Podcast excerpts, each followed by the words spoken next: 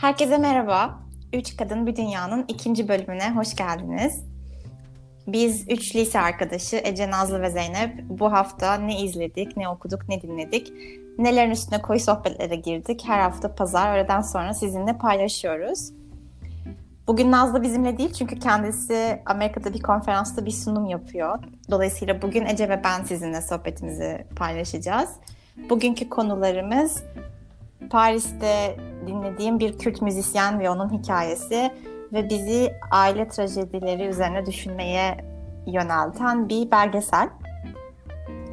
Ben Zeynep, Paris'teyim. Ben Ece, İstanbul'dayım. Ece bu birazcık ben konuya gireceğim şimdi tabii ama hassas bir konu gibi geliyor bana. gir gir. yani aslında konunun bu kadar hassas hale gelmesi için tabii ki e, geçerli sebepler var fakat bu kadar hassas hale gelmiş olması da üzücü. Hani konuşmaktan çekinir hale e, geliyoruz bazen. Ve benim çok beklenmedik bir şekilde konu e, bu, bu Kürt müzisyenle tanışmam çok beklenmedik bir şekilde oldu.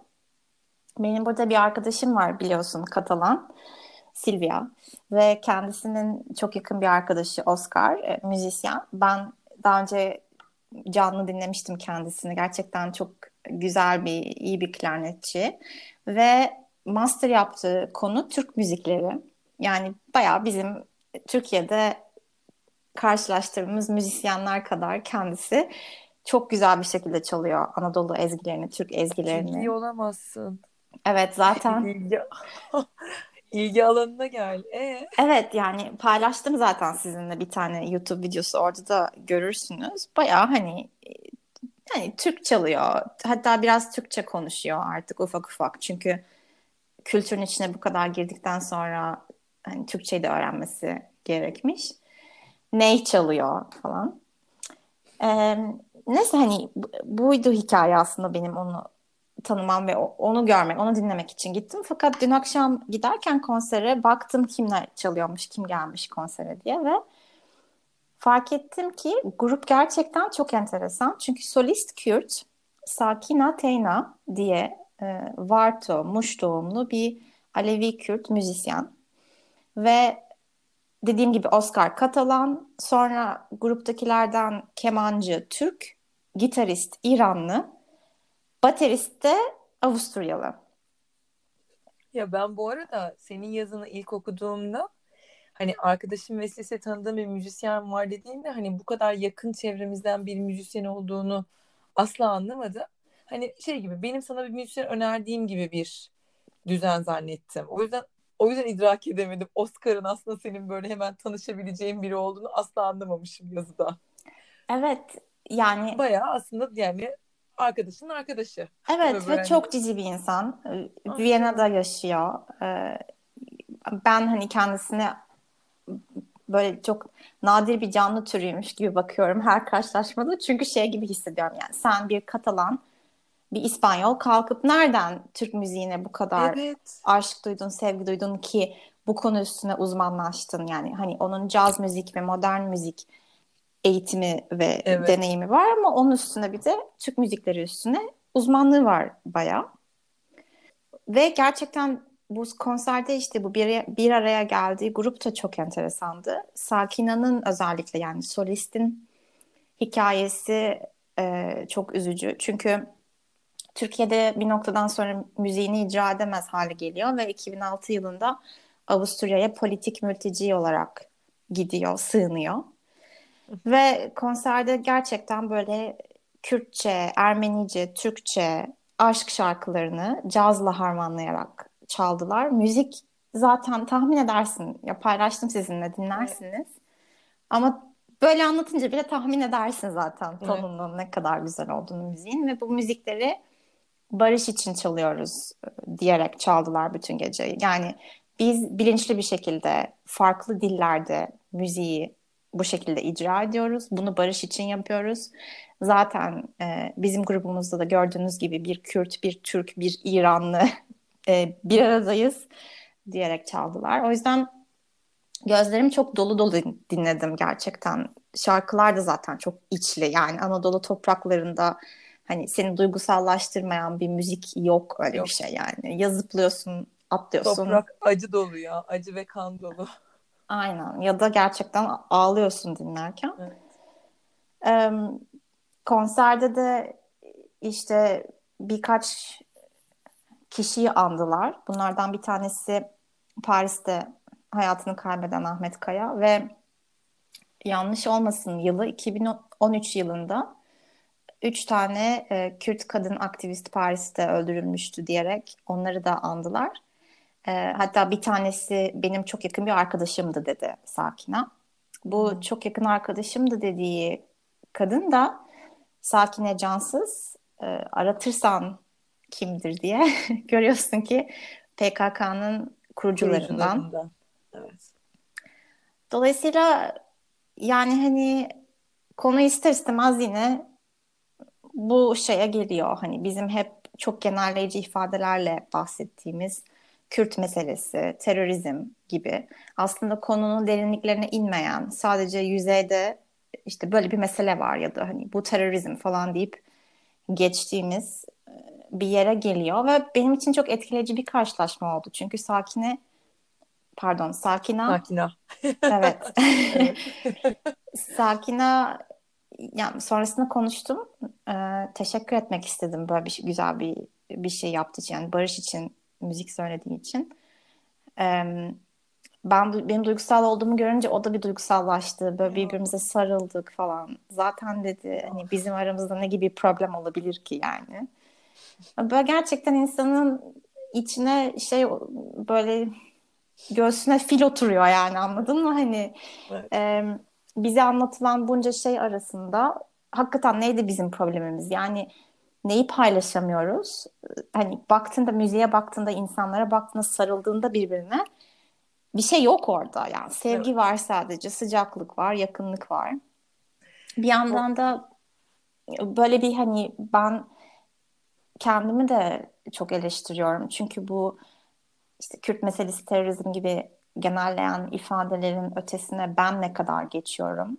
Ee, mesela ben Kürtçeyi işte sokakta duysam tanır mıyım dün mesela konserde e, Kürtçenin dört lehçesi olduğunu öğrendim bu, bu tip şeyleri aslında merak etmiyor. Yani merak edip araştırsam keşke gibi böyle biraz da keşkelerle dinledim. Yani ben ne kadar tanıyorum bu kültürü, ben ne kadar ilgi gösteriyorum, ben ne kadar e, bu konunun üstüne eğiliyorum. Eğilmek istiyorum ama eğilmiyorum gibi düşünceler içerisinde dinledim.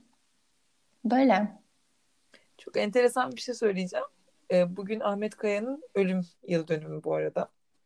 Aa bilmiyordum. Evet böyle şey e, evren bir şekilde yine e, ona doğru itmiş sanırım seni. Ben de bugün öyle olduğunu e, Zülfü Livaneli Instagram sayfasından Ahmet Kaya ile beraber ortak söylediği bir e, zamandaki bir videoyu e, post etmiş. Oradan böyle işte Ahmet Kaya'nın ölüm yıl dönümü olduğunu e, gördüm ve böyle hani hatta bugün yazını görünce hadi herhalde dedim o da acaba o konser onunla mı ilişkiliydi vesaire falan diye düşündüm ama sanırım hiç ilişkili değilmiş enteresan yani evrene yine bir şey e, etkisi evet oldu sanırım. Ya. 16 Kasım 2004'müş bu arada tam. Paris'te senin de dediğin gibi. Ben bu arada hani e, Ahmet Kaya ile ilgili ben zaten Ahmet Kaya müziklerini de seviyorum. Şarkılarıyla da hisleniyorum. E, böyle buna benzer hani Ahmet Kaya'yı da sevdiğim için geç yani geçtiğimiz Mayıs ayı olması lazım sanırım. Hep sonradan diye bir oyun izledim Ahmet Kaya ile ilgili. Ya senin o dediğin o yüreğine oturan o yumru, o taşı bütün oyun boyunca hissetmiştim ben de. Ya böyle şimdi senin yazını okuyunca da seni dinleyince de zaten evet, böyle çok çok kötü oluyorum. Böyle gözlerim doluyor ve aslında yani benzer e, kültürlerde, aynı topraklarda yaşayan ve nasıl bu kadar ayrıştırılan insanlara dönüşmüşüz o beni çok üzüyor. Evet. Dediğine de çok katılıyorum. Yani biz yani sözde bilinçli vatandaşlar olmamıza rağmen bilmeyerek ya da işte buna bir şekilde kutuplaştırılarak büyüyoruz ve bilmiyoruz çoğu şeyini yani hani çok uzağımızda değil. Geri geliyor bir işte Fransız kültürünü ya da bir e, ne bileyim İtalyan kültürünü biliyoruz ama belki dibimizdeki kültürü bilmiyoruz. Tabii ki. Ve hani e, beni çok etkiliyor ve mesela ben o oyundayken de o, o yumrular böyle çıkmıştım. Hatta bir arkadaşıma şey dedim ya ben başka ülkede yaşayamam galiba. Yani çünkü o duygu, o duygusuyla yani belki kötü biraz arabesk bile olabilir ama o, o acının ve o insanı birbirine bağlayan o hisler bambaşka. Yani Kürt olmuşsun, Türk olmuşsun çok fark etmiyor mesela bana da. Bilmiyorum. Evet o şeyler bu arada o geçmiyor. Yani yurt dışında yaşasan da yaşamasan da inan ki yaşayanlar da geçmiyordur tabii. Onu hala hani o onu konuşuyordum konser sonrası bir arkadaşımla da aynı şekilde. Yani e, kültürel miras dediğimiz şey senin büyürken gördüklerin, duydukların, hissettiklerin, orada yaşadıklarının etkisi çok bedende, bedensel bir his gerçekten. Ve o kültürel mirası burada paylaştığımız yani evet farklı diller konuşuyoruz. Farklı mezhepler olabilir, farklı dinler olabilir. E, farklı kültürel birçok aktivitemiz olabilir ama bir de çok ortak bir payda var. Çok büyük bir ortak payda var kültürel miras bakımından.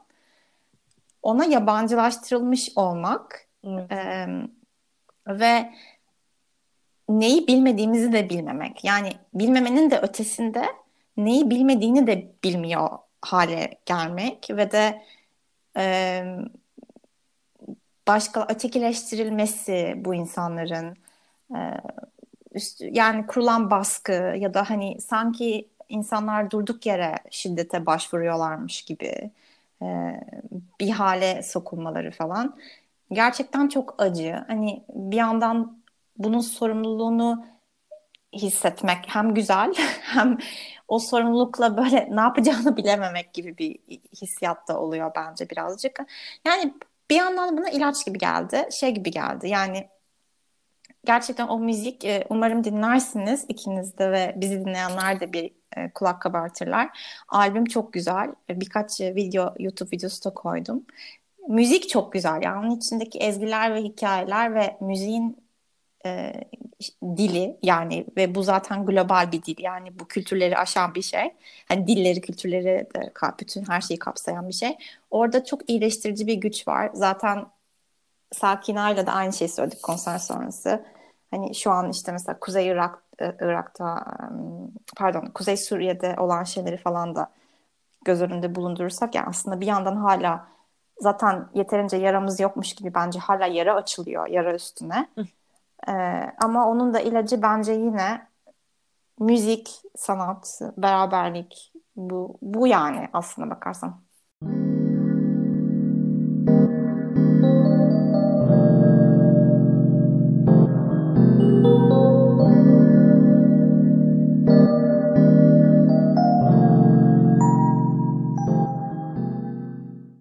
Sen bu hafta sanırım izlediğim belgeselde seni biraz evet. derin konuları düşünmeye evet. itti. ay ay.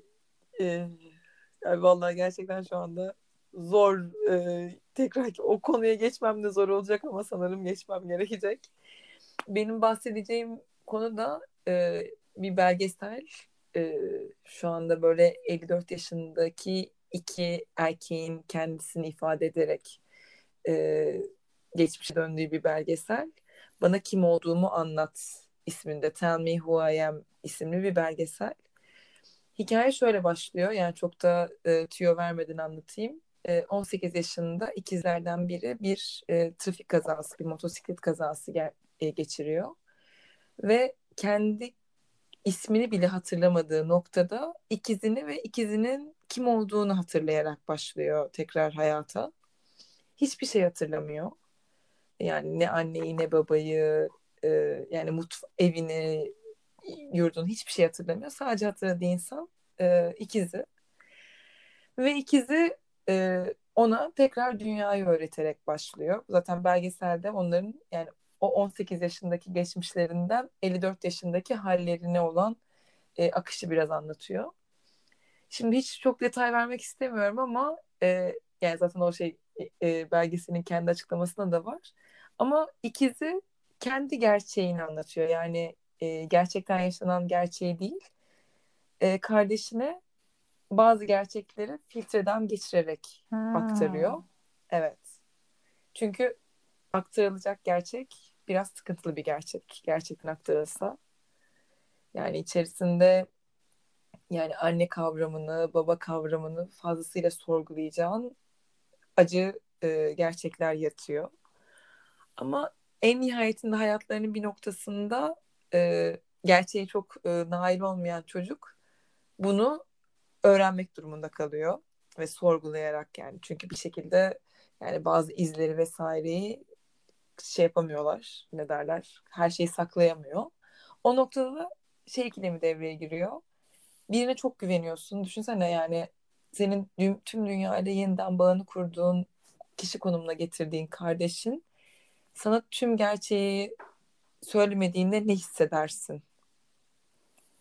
Ve aslında yani tüm gerçeği söylememesi seni korumak için yapıyor, yapılıyorsa seni daha çok sevdiği için mi? Belki senin yerine de o acıyı çekiyor vesaire gibi çok fazla böyle ikilemlerde kaldım. Yani ben bazen şey de düşünüyorum mesela e, bazen insanlar böyle pembe yalanlar söylemek durumunda kalabiliyorlar. Mesela yalan söylediğini karşı tarafa söylemek kendi içini mi rahatlatmak yoksa karşı tarafa Hmm. dürüstlük yapmak mı vesaire gibi ikilemlerde de kalıyorum bazen. Hep onları da düşündürttü. Peki bu gerçek bir hikaye mi? Gerçek, gerçek. Hiç detaya çok girmeyeyim. Hani o gerçeğin ne olduğunu hiç girmeyeyim ama birçok böyle şey sorgulattı bende de. Bir buçuk saatlik izlemenizi öneririm. Yani böyle çok dünyanın en etkileyici e, şeyleri sinematografisi yok tabii ki. Çünkü tamamen böyle hani e, böyle eski fotoğraflardan ve adamların hani şu anda 54-55 yaşlarındaki hallerinin ve geç, gençlik görüntülerinden oluşan bir belgesel. Bilmiyorum Anladım. yani hepimizin kardeşi var vesaire. Böyle çok çok garip geldi bana. Ya bu arkadaşlık ilişkilerine de geri- geliyor. Ne bileyim sevgiline de eşine de o güvendiğin ölçüde sana ne kadarını anlattığı ve ne kadarını anlatması gerektiğini ve istediğin ikilemlerini falan düşündüm. Bilmiyorum. Evet bir de o anlatılan şey çok ağırsa Evet. onu onu ne kadar kaldırabileceğinle de alakalı olabilir. Yani düşünsene bütün hafızanı kaybettiğin bir yerdeyken o kadar ağır bir şeyi işlemleyemeyebilirsin, anlamayabilirsin belki. Ama tabii sonradan ortaya çıkmış olması da belki güven sorunu yaşatmıştır kardeşler arasında. Evet zor bir denklem gerçekten. Ya yani mesela izlerken şimdi anlatmayan kardeşi de de bakıyorum. Haklı diyorum mesela. Yani onun baktığı yerden o haklı. Ama öbür taraftan da bilmek isteyen de kendince haklı gibi. Böyle Ya ya o tek bir doğru yok. evet tek bir doğru yok. Bir de yazdığın yazıda şey demişsin ya aile toplumun en küçük yapı taşı ve ideal bir toplumda yaşamıyorsak Evet. her ailede iyi olamaz. Bu arada bir parantez açayım. Bu bana Nihan Kaya'nın e, İyi Aile Yoktur kitabını hatırlattı. Ben bu kitabı son zamanlarda çok duyuyorum. Henüz okumadım. Ben de duyuyorum bu arada. Sanırım Nihan Kaya benim sadece Instagram takibinden anladığım kadarıyla değişik, radikal, orijinal fikirleri olan bir terapist. O yüzden enteresan bir kitap olabilir ona o benim aklımda. Ama evet aslında iyi aile yok e, ve sorunsuz aile yok ve Hı hı. aslında içinde yani toplum bu kadar acı dolu e, olduğu için insan hayatı dediğimiz yer çok inişli çıkışlı bir yer olduğu için aslında acısı ve e, sırrı olmayan aile de yok. Yani bilmiyorum senin yani genel olarak benim etrafımda gördüğüm ailelerde de her gerçeğin, her doğrunun ne kadarı her aile bire- bireyi tarafından eşit bir derecede biliniyor. Soru Yok. işareti. Evet. Ya buradaki şey biraz hani hepimizin çok alışık olduğu bir düzen değil Allah'tan. Hani şükretmemiz lazım. Ama yani evet ben de katılıyorum. Hani dediğin gibi hani bazı gerçekler her yani ailenin her ferdi tarafından aynı şekilde aksettirilmiyor ya da hissedilmiyor. Bu arada o e, bahsettiğin yazarın İyi Toplum Yoktur diye de bir tane kitabı varmış. Şimdi Aa, bakıyorum da evet herhalde önce iyi toplum yoktur'dan çıkıp sonra iyi aile yoktur'a mı geldi o da bilmiyorum. Çünkü İade Yoktur'u yeni yazmış. Ekim 2019'muş. Hmm, Ya bayağı taze kitap ya. Belki okuruz. Evet, belki okuruz yazarız sonra. Evet, Ya hepimizin hani her ailenin iyi en iyi gözüken ailenin bile içinde çok fazla dert var da işte hangi ölçüde hangi ya bir de şeyleri de çok sorguladım. Hani son zamanlarda e, hani annelik kutsallığı ve işte her işte baba oluyorsun, anne oluyorsun ve bu erişilmez ve dünyanın en kutsal mesleğiymiş gibi aksettirilmesini de çok sorguluyorum son zamanlarda. Onları Evet, düşündürttü. Yani bu hani mesela Nihan Kaya'nın üzerine birazcık yazdığı bir şey. Ee, bu e, başka terapistlerde de görüyorum bu bu diyaloğu son zamanlarda.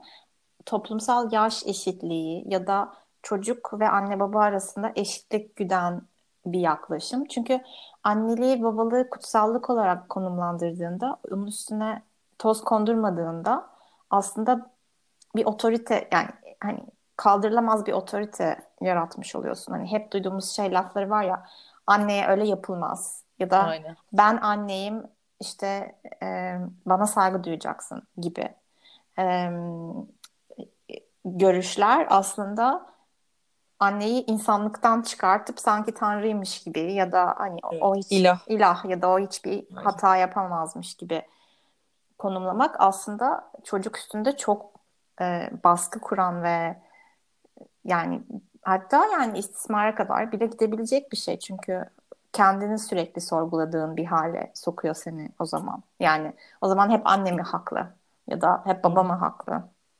Bu noktada artık daha fazla girmiyorum. Çünkü biraz daha konuşursak belgeselin konusuna dair ipuçları vermeye başlayabilirim. Ben tahmin Çünkü- ediyorum zaten konunun Evet evet. Çünkü sen de son cümlelerinle e, bana şu anda böyle fişekliyorsun. O yüzden susmam gerekiyor bence. Evet. Ve bu bu yani bu kutsallık hakikaten öyle şeylerin üstünü örtebiliyor gerçekten o Aynen. yaratılan otorite çok üzücü ve bizim toplumumuzun da özellikle gerçeklerinden bir tanesi. Çünkü Türk toplumunda çok önem verilen bir şey ya işte büyüye saygı, anne babaya saygı, Evet. küçüğe Her sevgi. insana saygı olmalı. Aynen öyle yani o benim çocukken çok duyduğum işte küçüklere sevgi, büyüklere saygı beni çok irite eden bir yaklaşım mesela. Yani hayır, herkese sevgi ve herkese saygı. Herkes- aynen. Herkes sevgi, herkes saygı. Evet. Sanırım bu kadar bizden Evet, haftalık. bu haftalık bu Evet. kadar. Bizi dinleyenlere çok teşekkür ediyoruz tekrar. Eğer bizimle paylaşmak istediğiniz bir yorum olursa mutlaka bize yazın. Haftalık bültenimize ve podcastimize bizi Twitter'dan bularak kaydolabilirsiniz. Twitter'da 3 Kadın Bir Dünya olarak bulabilirsiniz bizi. Haftaya görüşmek üzere. Haftaya görüşürüz.